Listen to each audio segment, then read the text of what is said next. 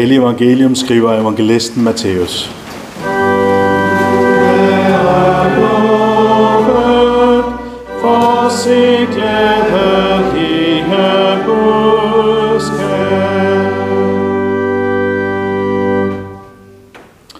Da Jesus så skarne, gik han op på bjerget og satte sig, og hans disciple kom hen til ham. Og han tog til ord og lærte dem. Særlig er de fattige i ånden, for himmeriget er deres.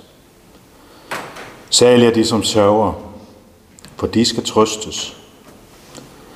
Særlig er de sagt modige, for de skal arve jorden.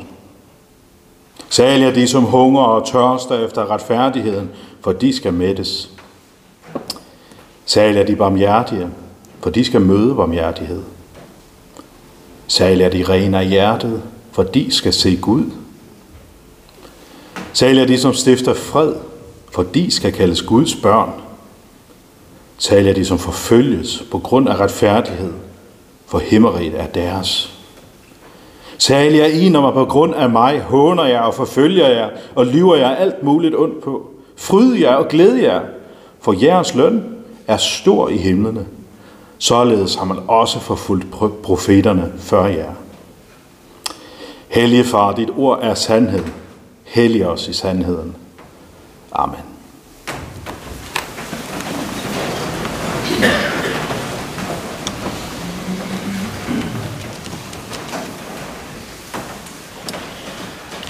Hvordan kan jeg vide, at jeg er frelst?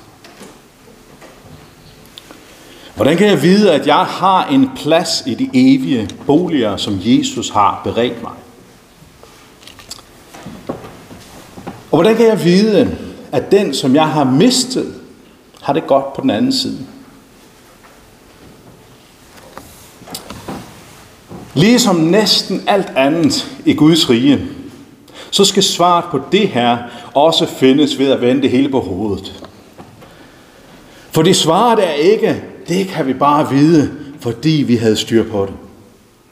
Det kan vi bare vide, fordi det var sådan nogle gode mennesker. Nej.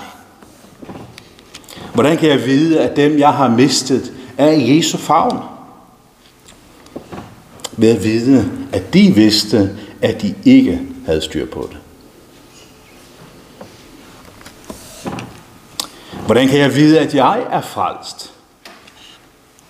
Ved at vide, at jeg ikke kan frelse mig selv. Sagt på en anden måde. Svaret, det ligger ikke hos mig. Svaret finder vi på Golgata. Svaret finder vi der hos Jesus og i det, som han har gjort for mig. Bjergprædiken, som vi har læst lidt af her i dag, det kan være sådan en svær en at sluge.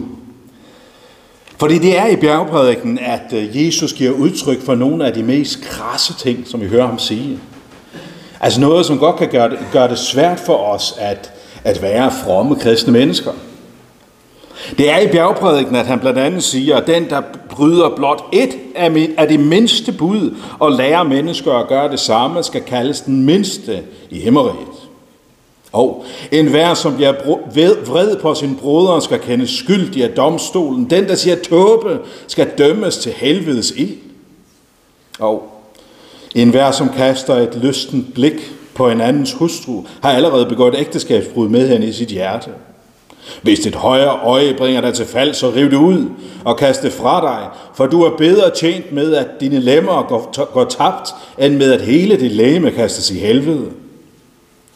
Og endelig, så vær der fuldkommende, som jeres himmelske far er fuldkommen. Hvem kan leve op til det her? Hvem kan sætte flueben ved det her? Det er helt tydeligvis en del af discipleskabstræningen, som rabineren Jesus kommer med. Nu skal disciplene lære noget, og vi har bevaret særligt den her disciple prædiken af Jesus. Tre kapitler i Matteus evangeliet er en gengivelse af den her prædiken, af bjergprædiken. Hvad ønsker Jesus, at vi skal få ud af den her prædiken? Det ser ud til, at han har to sigter med prædiken. På den ene side ønsker han at slå fast for os, at Guds bud, de er gode. Og Guds bud, de skal efterleves. Det er den ene ting. Guds bud er gode, og Guds bud skal efterleves. Den anden pointe, som vi må erkende, også er der, hvis vi skal se på os selv, det er, at vi, i modsætning til Guds bud, vi er, ja, onde. Sådan set i det her perspektiv. Og vi kan ikke efterleve Guds bud. Hvad får vi ud af bjergprædiken, hvis vi skal være helt ærlige? Jo, at Guds bud er gode, og han forventer, at vi opfylder den, lever efter den. Det er derfor, vi ved, de er gode. Og på den anden side, vi er onde. Fordi bjergprædiken blandt andet afslører os, og vi kan se, at vi kan ikke efterleve den. Når det er sagt, så tror jeg, det er vigtigt også at lægge mærke til, at det faktisk ikke er her, at Jesus begynder. Bjergprædiken har en indledning, og han begynder med de her proklamationer, de her saligprisninger. Og hvad er det, som kendetegner de her saligprisninger? Jo, det som kendetegner den, er det, som de salige har, og det, som de salige får givet. Hvad er fokus i saligprisningerne? Jo, himmeriget er deres. De skal trøstes, de skal arve jorden, de skal mættes, de skal møde barmhjertighed, de skal møde Gud. De skal kaldes Guds børn. Himmeriget er deres.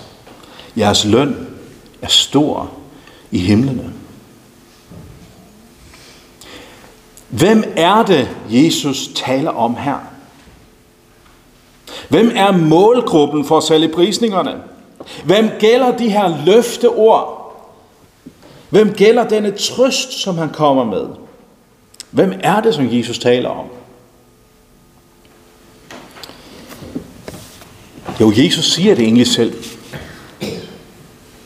Hvordan er det, han henviser sig? Eller han, øh, hvad hedder sådan noget? Hvem er det, han vender sig imod? Hvem er det, han taler til? Han siger sådan her, salige er i. Hans tilhører, som står der, disciplene, salige er i. I er jordens salt. I er verdens lys. Det er ikke sikkert, at du kan se det hele nu. Men prøv at tænke efter. Hvad er det, som Jesus egentlig siger her? Jesus taler ikke til nogle, som skal sørge for at leve op til bjergprædningens formaninger, for at disse løfter skal gøre sig gældende. Prøv at lægge mærke til det. Han siger ikke, I vil blive salige, hvis I. Han siger, salige er I. Jesus siger heller ikke, I skal være verdens, jordens salt, hvis I. Eller I er verdens lys, hvis I gør det her og det her. Nej, han taler til dem, som allerede har fået lønnen. Den, som allerede er Guds barn. Den, som allerede er i Guds rige. De er salige. De er jordens salt. De er verdens lys. Så er det næste spørgsmål. Hvorfor er de så det? Hvorfor er de salige? Hvorfor er de jordens salt? Hvorfor er de verdens lys? Det kan være lidt svært helt at få svar på i bjergprædiken. Det er helt tydeligt, at sådan taler Jesus, men hvorfor? Det er næsten som om, at bjergprædiken giver svar på, hvorfor det ikke burde være sådan. Og alligevel, så er det sådan, Jesus siger. Salige er I. I er jordens salt. I er verdens lys. Særligt når man også tænker på det her, som vi allerede har nævnt. Det her, som Jesus siger til sine disciple, så vær da fuldkommende. Hvor fuldkommende? som jeres himmelske far er fuldkommen. Jesus siger ikke, så opfør ordentligt. Så prøv bedre, prøv at blive bedre. Han siger, så vær der fuldkommende, fuldendte, perfekte, som Gud er fuldkommen. Så fuldkommende skal vi være. Hvordan i alverden skal vi nogensinde kunne blive så fuldkommende? Hvordan kan vi nogensinde komme derhen, hvor det her kan siges om os, at vi er så fuldkommende, som vores himmelske far er fuldkommen? Hvordan kan vi videre sikre, i at vi har en plads i Guds rige? Hvordan kan vi hvile i, at vores afdøde familiemedlemmer, venner, ægtefæller, kollegaer har det godt på den anden side? For hvis vi skal være helt ærlige, så var de ikke fuldkommende. Ganske smås.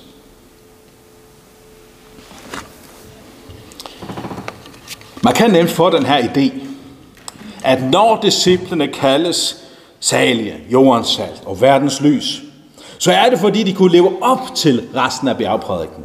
Men det er ikke tilfældet. Det er helt indlysende ikke tilfældet. Og vi ser det blandt andet i brugen af det her ord fuldkommende.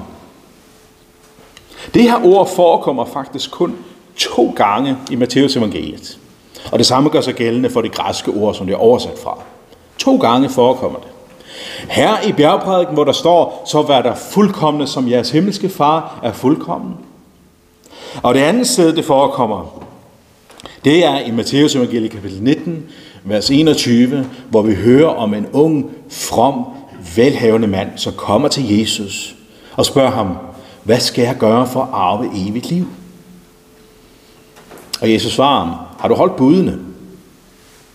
Hvilke bud? Jo, de her, du må ikke slå ihjel, du må ikke stjæle. Har du holdt budene? Ja, det har jeg. For barnsben af har jeg holdt de her bud. Så mangler du bare en ting. Giv slip på alt. Lad være med at stole på noget som helst i dit liv. Giv slip på alt. Opgiv. Og der er det, han går bedrøvet bort. For det kan han ikke finde ud af. Vil du være fuldkommen, siger Jesus til ham, så gå hen og sælg alt, hvad du ejer. Vil du være fuldkommen? Så vær der fuldkommende, som jeres himmelske far er fuldkommen. Hvad er det, Matthæus 19 handler om? Den handler om den her unge mand, som kommer og spørger, hvad skal jeg gøre? Det er det, som det handler om. Den unge mand spørger, hvad skal jeg gøre? Og der er det, at Jesus svarer, vil du være fuldkommen, så gå hen og sælg alt, hvad du ejer, og giv det til de fattige.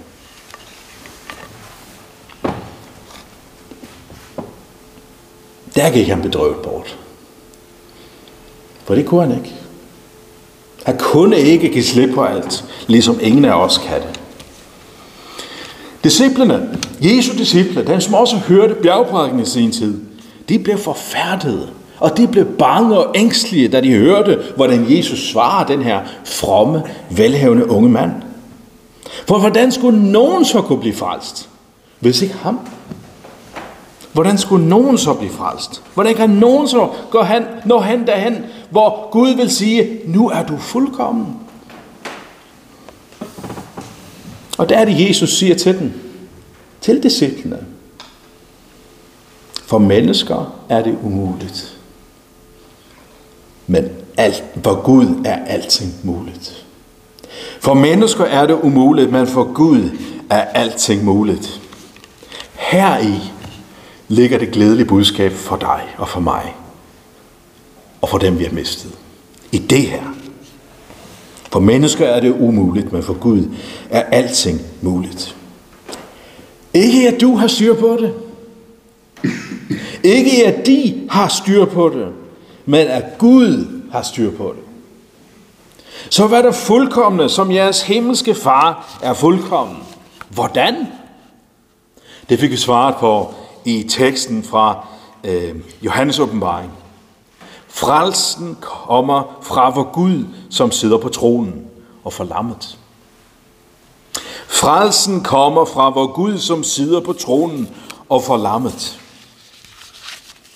Hvordan kan du hvile i, at dine afdøde er salige, er jordens salt, er verdens lys, er Guds børn?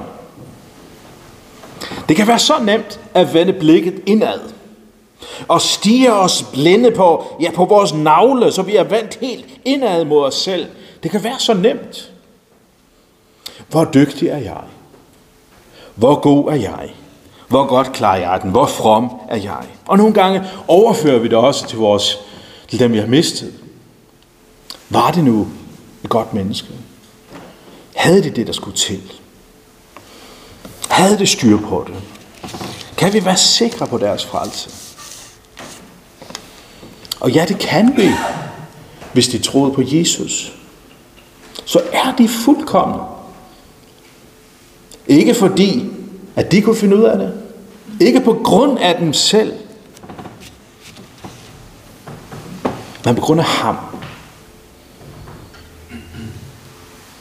Kan du være sikker på, at du er fuldkommen? Nej. Ikke hvis du ser på dig selv. Ikke hvis du ser indad. Ikke hvis du ser på, om du har overholdt budene.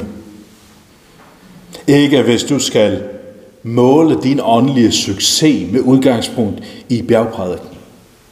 Altså det her, hvor der står, du må ikke blive gal på din næste, og du må ikke begære din næstes hustru. Du må ikke bekymre dig. Du må ikke underlægge dig Gud og mammon. Hvis du prøver at spejle din åndelige succes i det her, så nej, så er du ikke fuldkommen. Ikke tilnærmelsesvis. Ligesom jeg heller ikke er det. Ligesom ingen er det. Hvis du til gengæld ser et andet sted hen. Hvis du kigger 2000 år tilbage i tiden, på den der høj uden for Jerusalem, hvis du ser hen til korset, hvor Jesus hænger for os, hvad ser du så der? Hvad ser du der? Der ser du lammet, som sidder på tronen. Hvis du ser væk fra dig selv, og hen til ham, som sidder på tronen, hen til den hellige selv, så ser du noget andet. Så ser du noget, som kan gøre dig fuldkommen. Se efter, når du kigger derinde i himlen. Se efter, når du ser der på tronen.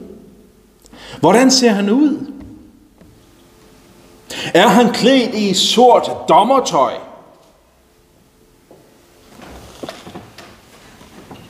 Eller er han klædt i hvidt, som er fuldstændig gennemblødt af blod? I sit eget blod. Hvad holder han i hånden? Holder han svært? Holder han dommerhammeren? Som tegnet på, at nu vil han afsige dom og eksekvere dommen. Eller holder han den her hvide klædning? Så du får lov til at tage på. Den her hvide klædning, som er Jesu renhed. Jesu retfærdighed. Jesu fuldkommenhed. Jeg spørger ikke efter, hvad du føler, når du tænker på himlen. Jeg spørger ikke efter, hvor dygtig du er til at fornemme, hvad der er på den anden side. Jeg spørger ikke efter, hvor god du er til at forestille dig Guds trone. Jeg spørger heller ikke efter, om du mener, du har gjort dig til fortjent til at møde ham der med de hvide klæder. Nej, jeg spørger efter, hvem du har sat din lid til. Hvem stoler du på? Og har du erkendt, at du ikke kunne finde ud af det? Har du indset, at der er ikke noget at bygge på hos dig selv? Har du set, at du aldrig kan blive fuldkommen i dig selv? Så er det Gud Fader, der står med åben favn og tager imod dig med de her nye klæder til dig. De her nye klæder, som er din nye uniform. Som er tegnet på, at du er renset, at du er fuldkommelig gjort. Og så får du lov til at stå for Guds trone. Helt ren og retfærdig. Himlen værdig. Og ved siden af dig, ved siden af dig, der står alle de andre hellige.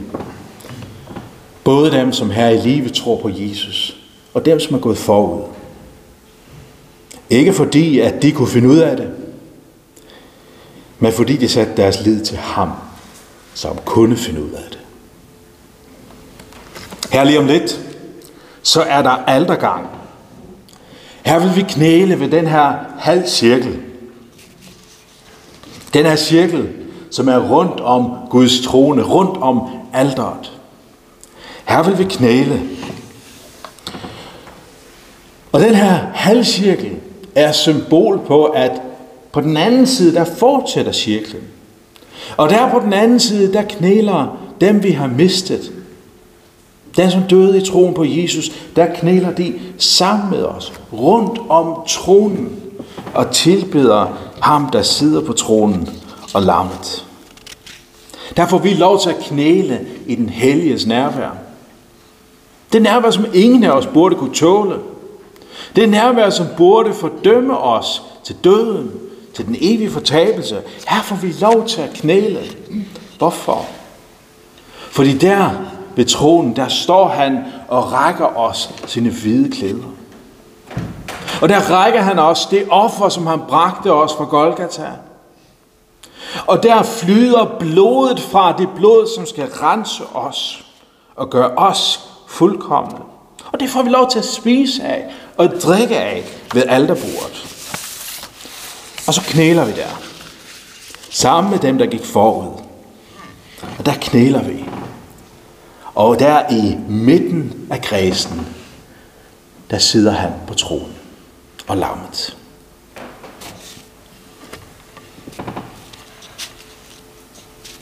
Her er vi syndfrie og rene. Her er vi frie for enhver synd. Og når man så, ser os her, så ser man ikke længere en synder.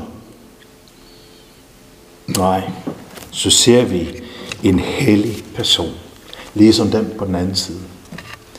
En hellig person, som er lige så fuldkommen som Gud.